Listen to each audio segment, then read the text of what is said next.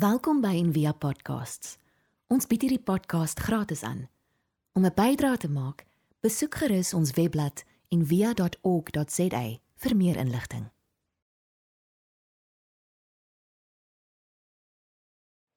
Dit is vandag 'n baie besondere dag. Dis Sint Fransis Dag. En is dalk 'n dag wat nie so bekend is onder evangeliese of gereformeerde kringe nie.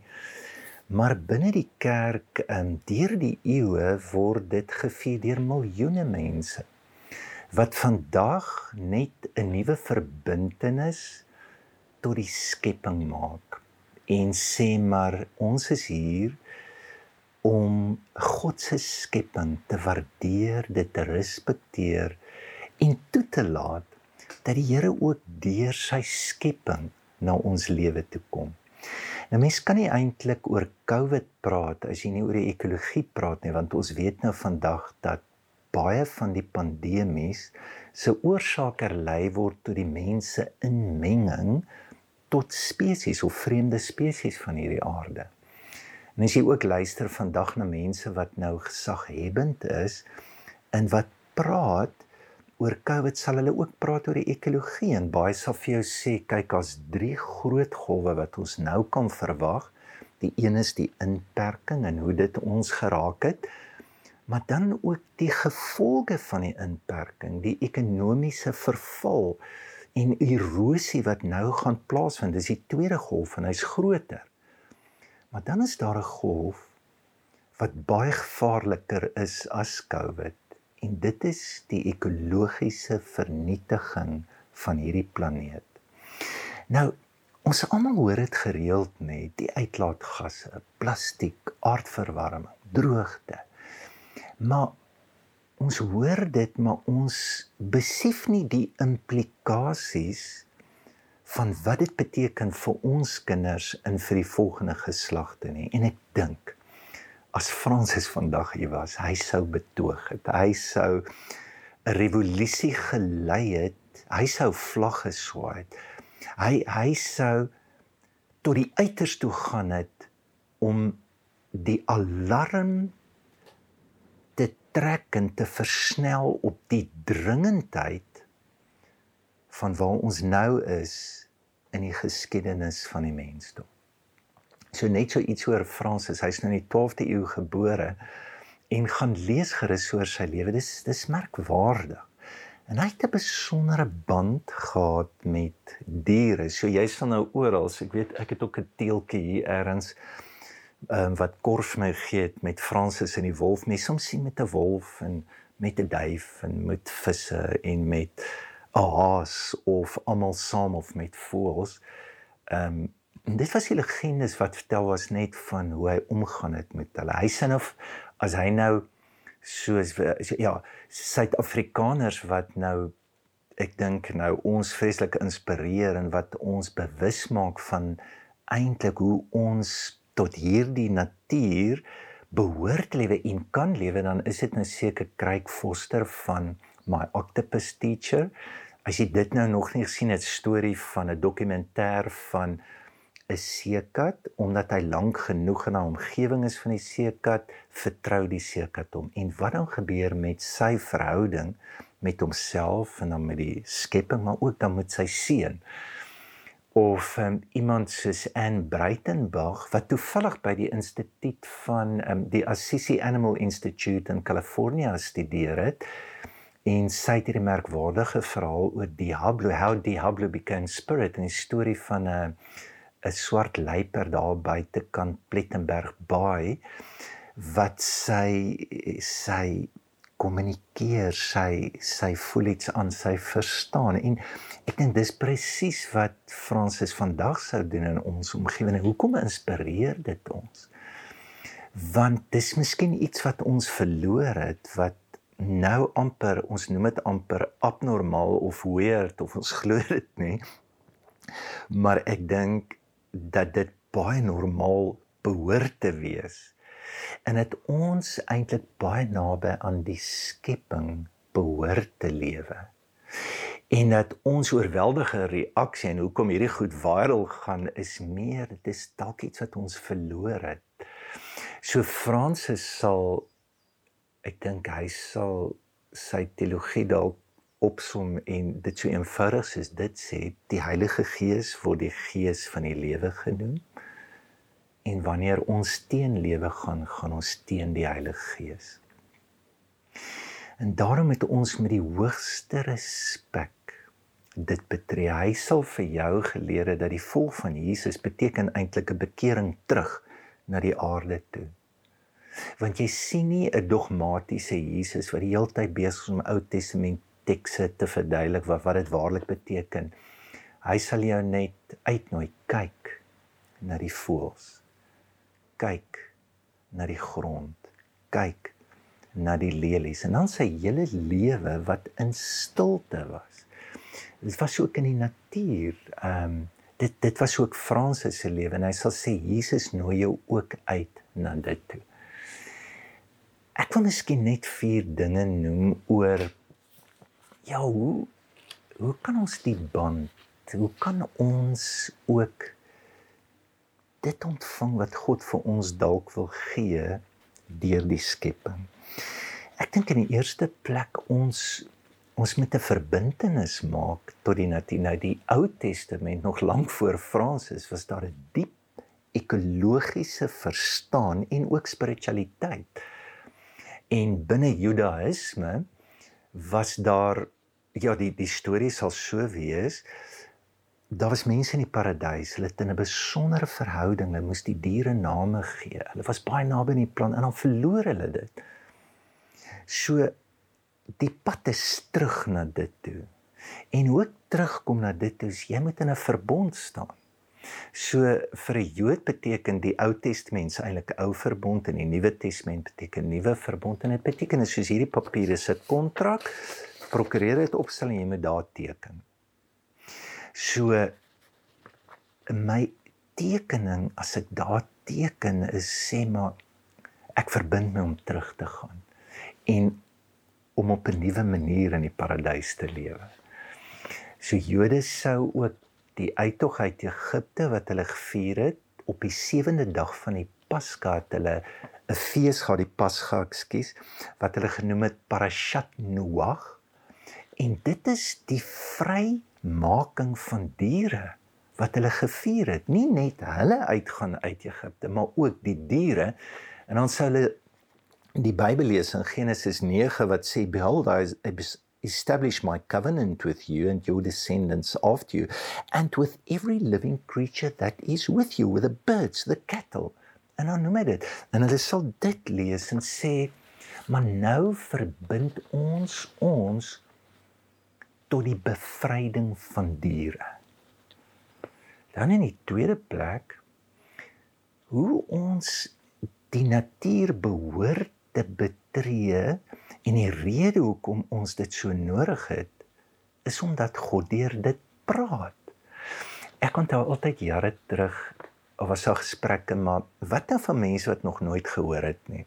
En ek weet sendlinge is altyd besorg oor die mense in Wes-Wes-Indië of in die Amazone en die reënwoude. Ons weet daar is stamme of mense wat die evangelie nog glad nie eens bereik het nie. So wat nou? En ek onthou dit iemand vir my sê so eenvoudig soos Romeine 1:20. Nou dit sê and the basic reality of God is plain enough. Open your eyes and there it is.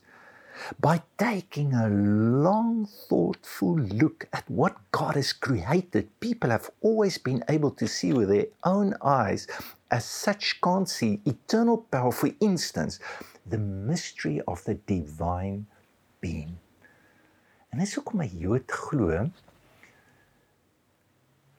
Psalm 19 die uitspansel verkondig die werk van sy hande. Dit preek. En as jy kan luister, dan sal jy God se woorde in dit kan hoor. Kom ons luister na Richard Rohr wat net vertel maar hoe God kan praat deur die skepping en hoe ons dit kan doen. The first Bible of God is creation. Romans 1:20 if you need a scripture. God has revealed everything that God wants to reveal in creation as it is, in the nature as it is. Uh, there it is. But we just weren't ready to see that It was our own human hubris that we were the only chosen ones. God didn't choose the rest of this. It was just a backdrop for our human dramas. Uh, so animals could be tortured, uh, trees could be cut down. When uh, this tree next to me, I don't know if you've seen it on camera, but it's 100, 150 years old. When I first joined the Franciscans, we were not I don't know why they took it out of our constitutions, but we were not allowed to cut down a tree without the permission of our major superior. Not the house superior, but the head guy. Uh, now, that probably seems rather silly, but do you see how Francis and our intuitive respect for the first Bible had held on for 800 years?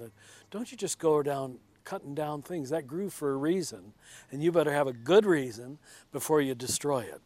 If we had been given that kind of respect for the natural world, imagine the leftover, plenty of room for respect we would have had for fellow Protestants and heretics and Jews and sinners and witches and all these other people we decided we had a right to hate. See, we didn't learn love at the low levels, if I can call uh, trees and animals low levels. Uh, when you don't learn it there, it's pretty hard to do your homework when you meet a human being that isn't attractive to you. You've had no training, no training in respect. Respect, by the way, the English word, is a very good word. It means to look at a second time. Respect.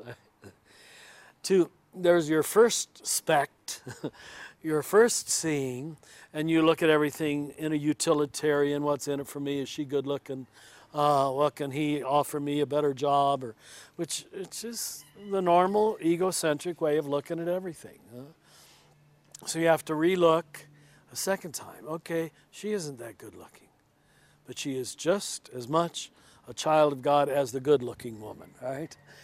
Now, can I rearrange my seeing so I can respect that not so good looking woman and recognize that my first look was pretty much all about me, pretty selfish, had nothing to do with the eyes of God at all. Miskien eh, kan ek afsluit deur 'n vraag te vra wat ek vir myself vra natuurlik is hoe vanaf hoe dink God oor die natuur in die skepping en dan moet 'n mens sê hy droom. En wat droom hy? Nie net 'n nuwe hemel nie. Ons is so lief om te sing oor die nuwe Jerusalem en strate van goud, maar ook 'n nuwe aarde. En ek wonder wat sal gebeur as ons dit doen en ons droom daar's daar's goed wat ons wegvoer waarvoor ons hoop en waarvoor ons glo en dit gaan oor die feit dat God 'n nuwe aarde droom. Ek onthou toe Luka klein was, nou sit hy by Wilma in 'n spreekkamer en Wilma het 'n boek vergeet en sê ag nee, ek het my boek vergeet en hy sê maar mamma, jy het nie 'n boek nodig nie, net jou oë toe maak. Hy sê en doen um imagination animation. En Wilma sê van wat's dit? Hy sê mamma maak net jou oë toe en dink. En dit is 'n wonderlike stories waaraan jy kan dink. Ek wonder as ons ons oë toemaak en ons vra die Here, Here wil U nie vir ons prentjies wys oor hierdie skepping nie, wat sal dit wees? En hoe behoort dit ons te inspireer? Hoe behoort dit ons ons te laat verbind passievol om in 'n verbond te gaan? om ook te sien dat hierdie droom omdat dit uit God kom dat dit waar is.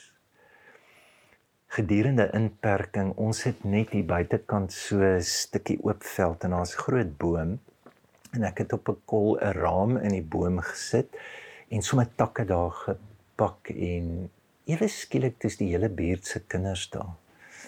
En ons speel hulle daarso en vir ure En later um ons nuwe hond Sally geniet dit ook verskriklik en hy hou daarvan hy hou van kinders so dan speel hy nou saam. En later dan kom die kinders en vra hulle ouma Sally hier so hulle kom al Sally om saam te speel. En hulle het ook gepraat van hulle boomkasteel. En ek dink toe nou aan ek dink is Stefan Skoombi, Askalk Skoombi se uh, roman Boomkastele, die sprokie van 'n stadsmens. En as jy dit lees, dis eintlik die teks is omtrent soos 'n ekosisteem. En en jy voel eintlik hoe naby in die natuur kom. Jy, jy, jy word eintlik jammer vir hierdie bome waarvan hy praat. En is is net die roman van bome wat in 'n stad is met die mense sien hulle nie. En eintlik maar net hulle hele lewe hang in die weeskal en word bedreig deur van die dorp met uitbrei. Dis weer 'n nuwe ontwikkeling. Hulle gaan uitgehaal word en dan wat hierdie bome wens die kastele wat hulle bou. Ja ek ek hoop vandag dat ja deur hierdie dag ons se bewustheid kan kry en dat die Heilige Gees nou daardie bewustheid bring van dat ek en jy verbind is dat ons kan nie sonder dit hier om ons nie. Jou asem word gegee deur hierdie natuur. En dat in hierdie natuur behoort ek en jy ook in 'n verbond te staan in 'n belofte in 'n ooreenkoms met God van hoe lewe ons? Hoe dink ons oor plastiek? Hoe dink ons oor ons eetgewoontes? Hoe dink ons aan ons waterverbruik? En as ons glo maar dit is geestelik. Van die hartseer is van ons evangeliese kringe is dat alles is gaan oor die Bybel en alles is in ons kop en alles is daar in die kerk. Maar niks is hier hier buite en dat dit intens geestelik is. En dat God ons hierdie eerste Bybel, hierdie openbaring gegee het. Dat jy hoef nie jou siel te verkoop aan charismatiese predikers en jou eie autoriteit uitverkoop. Maar wat van as dat God deur dit wat hier is vir jou sy genade wil gee. Dis presies wat Psalm 100 45 vers 9 sê God's mercy is upon all creation. Dit wag vir my en jou.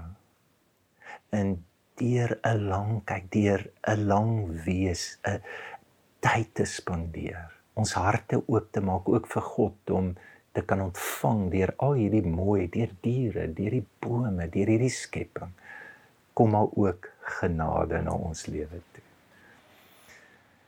Ja, ek dink nou in hier in ons kompleks baie mense is mos um SPC uit toe voor die inperking en my bure ook en hulle het hierdie hond gekry, maar die hond was regtig verwilderd en ek het hulle toe gevra so gaan jy hom teruggee na die tyd om te sê ja, hy help net. En is vir my vandag ongelooflik hoe die hond verander het. Dit is heeltemal 'n ander hond, hy het ook 'n ander naam, maar ook hoe hulle verander het. Wat 'n genade is daar nie vandag vir my en jou so naby aan ons mag ons daai genade ontvang. Ons hoop van harte jy het hierdie podcast geniet of raadsaam gevind. Besoek gerus en via.ok.za vir meer inligting.